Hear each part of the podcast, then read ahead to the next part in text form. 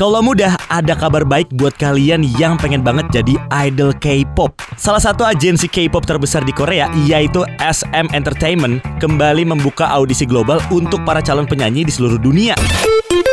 Keluarga Fast and Furious resmi mengumumkan anggota baru yang bakal ikut main dalam film terbaru mereka Fast and Furious 10. Anggota baru tersebut adalah aktor laga Jason Momoa. Abang gue! Dengerin Prambors News selengkapnya cuma di Prambors Radio, tempat anak muda mangkal. Get it on Play Store and App Store.